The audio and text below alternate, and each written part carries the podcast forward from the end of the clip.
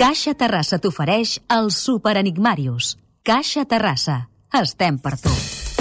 Mario Serra, emocionantíssima està la classificació de la Lliga després dels Enigmarius Sí, senyor. i compta amb el Superenigmarius que ve avui. Sí, senyor, bon dia i bona hora. És una setmana, diguem, dura. És un turmalet que estem Duríssima posant a la Lliga. aquesta setmana. Ara fa un mes que ja es va fer la primera part, diguem, amb el Mundialet, i com que anem avançant en la Lliga regular, aquesta setmana realment, aquest matí, ha estat per primera vegada un eh, Enigmarius que només han endevinat menys de 50 mm, oients, vol dir que ha donat 15 punts, i he de dir que ja hi ha, amb els tres que aquest matí han gastat el seu comodí, les Carràs que van guanyar tan escarrassadament a la final de Terrassa, ja n'hi ha només 5 dels 10 escarrassos en joc.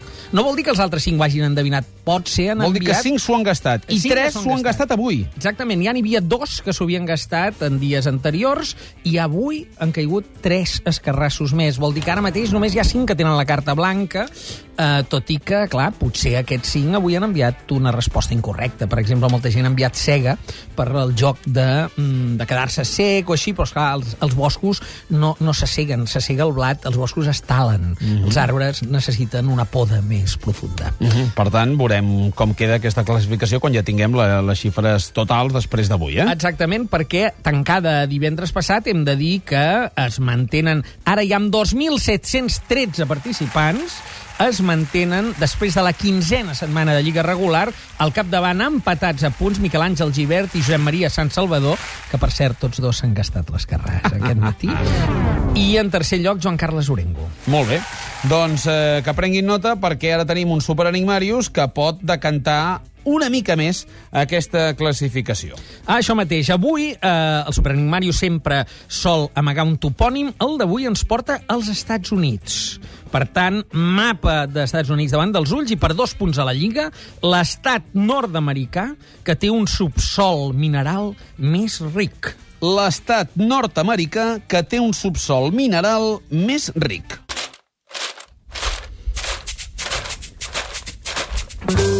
Obrim el Lectoràlia, seguim amb Mario Serra. Mm, Jo crec que l'han acabat de llegir ja, eh?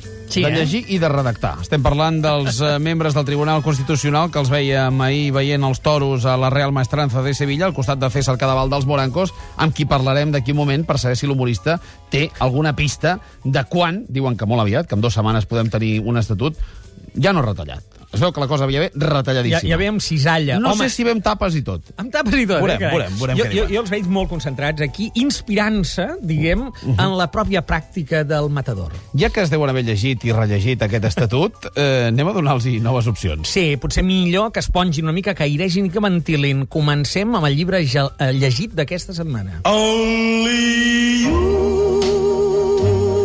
Són els plàters que ens canten Only You i que ens il·lustren l'elegància del número 0, de Cert. Lluís Muntada. Certament, una novel·la completa, una novel·la complexa. I Quatre he de Ls. dir- He de dir que una primera novel·la també, Lluís Muntada fa molts anys que escriu, però havia publicat narracions curtes, aquesta és la primera novel·la. He de dir que l'he il·lustrada amb Only You per diversos motius eh, temàtics de la novel·la, però també perquè és el que cantarem aquesta nit. Uh, Platters vol dir platers, vol dir argentins, això li cantarem al Messi aquesta nit.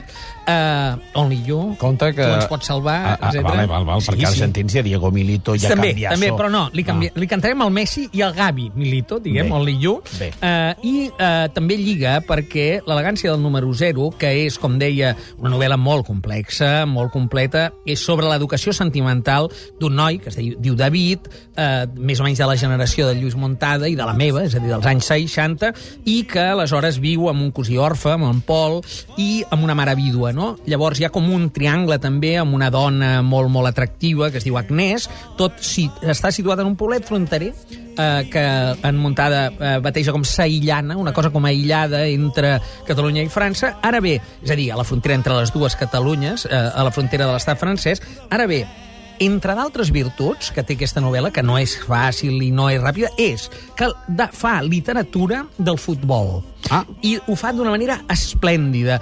Una de les qüestions que més eh, apassiona el David és jugar. És un jugador de futbol i realment les descripcions que hi ha aquí, eh, la relació amb els estats emocionals, sentimentals i esportius eh, són d'una finor exquisida.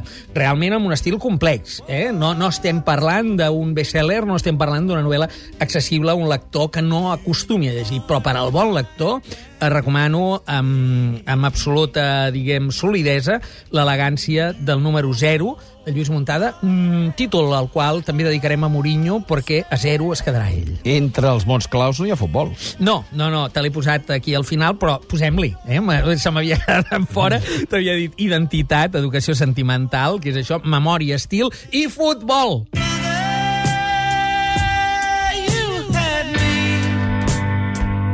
but I never had.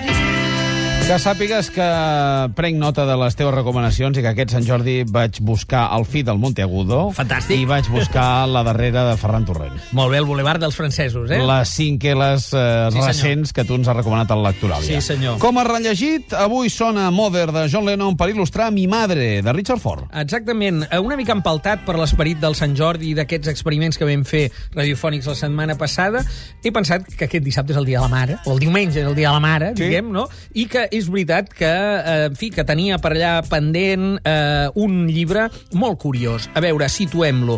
Això només està traduït al castellà, Mi Madre, eh, anagrama, eh, de Marco Aurelio Galmarini, és la traducció, i en Richard Ford, potser, situem-lo, és el creador d'un personatge literàriament molt potent, que és un periodista esportiu, en Frank Bascombe, que mm, eh, protagonitza una trilogia de novel·les molt divulgades. El periodista esportiu, El dia de la independència, Independence Day, i Acció de Gràcies, no? Richard Ford és un dels grans de la novel·lística nord-americana actual i l'any 88 va escriure, ell només escriu ficció sempre, i en canvi va publicar aquest llibre que és autobiogràfic, que és un llibre breu, que es diu dedicat a sa mare, Edna Akin, es deia la seva mare, i és la vocació d'una dona independent que havia passat una infància molt, molt, molt dura, que es va quedar vídua i, per tant, mare de dos fills amb 49 anys, amb qui en Richard Ford va tenir una bona relació, però en qui s'adona que un cop morta per càncer havia estat una estranya també per ell. I llavors intenta recuperar aquesta figura. És un llibre molt contingut, eh, emocional, sentimental, però gens que rincló, i eh, bé, és una pinzellada de què pot fer un gran novel·lista quan s'enfronta a la realitat, a fer el retrat d'algú tan proper com sa mare. Mots clau. En aquest cas, mare o maternitat, però també oest americà, que és d'on procedeix la, aquesta senyora, solitud, família i després aquest joc magnífic en els afers de família, certeses i sospites. Periodisme esportiu no l'has dit. Sí, el periodista esportiu. Ah, pa- també, molt clar. Doncs periodisme esportiu. Al garrotín, al garrotán, a la vera, vera, vera de San Juan. Al garrotín. Garrotín de Lleida, de Patriarques de la Rumba, ens il·lustra el nou diccionari lleidatà-català. Aquest és un dels hits d'aquest Sant Jordi eh, en les comarques lleidatanes, com se sol dir, però és un diccionari realment divertit, eh, creat per Robert Massip, Ferran Montardit i David Prenafeta, mm. amb pròleg de Lo Cartanyà, diguem una cosa molt ponentina tot ell, i ho edita Alfaseta, eh, que és una editorial, diguem, eh, que, que jo desconeixia, t'he de dir. A veure, això és un diccionari que sí que coneixia perquè va néixer a internet, Ah. ja, ja fa temps, i eh, és un diccionari còmic, eh, humorístic, no tan filològic, però, per exemple, per, perquè veieu una mica el to, tu te'n vas a la A i trobes una expressió com, per exemple, esfurriagallines. I dius, i, i, i això què carai és? Diu, tren, El tren. Diu el tren, diu, aquest mot és ben arcaic. Diu, s'usava a les granges vora les quals passava el tren. I llavors posa exemples, que és el millor del llibre, i diu, nou cins, ja passa les, les furriagallines de les 6 del matí. En fi, eh, ja em disculpareu el meu accent ben poc ponentí. Aquest llibre és una joia humorística, però també del que en podríem dir la cultura popular. Frases fetes, totes elles, de, de ponent en allò que diria lo lleidatà. Qui és més seductor, Mourinho o Guardiola? En parlarem amb Sebastià Serrano i Daniela Blume. Algun truc ens farà el McLari, a veure si en Messi pren exemple i el practica avui al vespre. Ens Porta pilotes? Porta cinc idees, Miquel Noguera. Per guanyar l'Inter només en necessitem tres i de bones. I al mateix temps parlarem amb César Cadaval sobre el Tribunal Constitucional, ja que ell estava al costat dels eh, membres que veien els toros a la Real Maestrança de Sevilla. Allà perdrem, eh?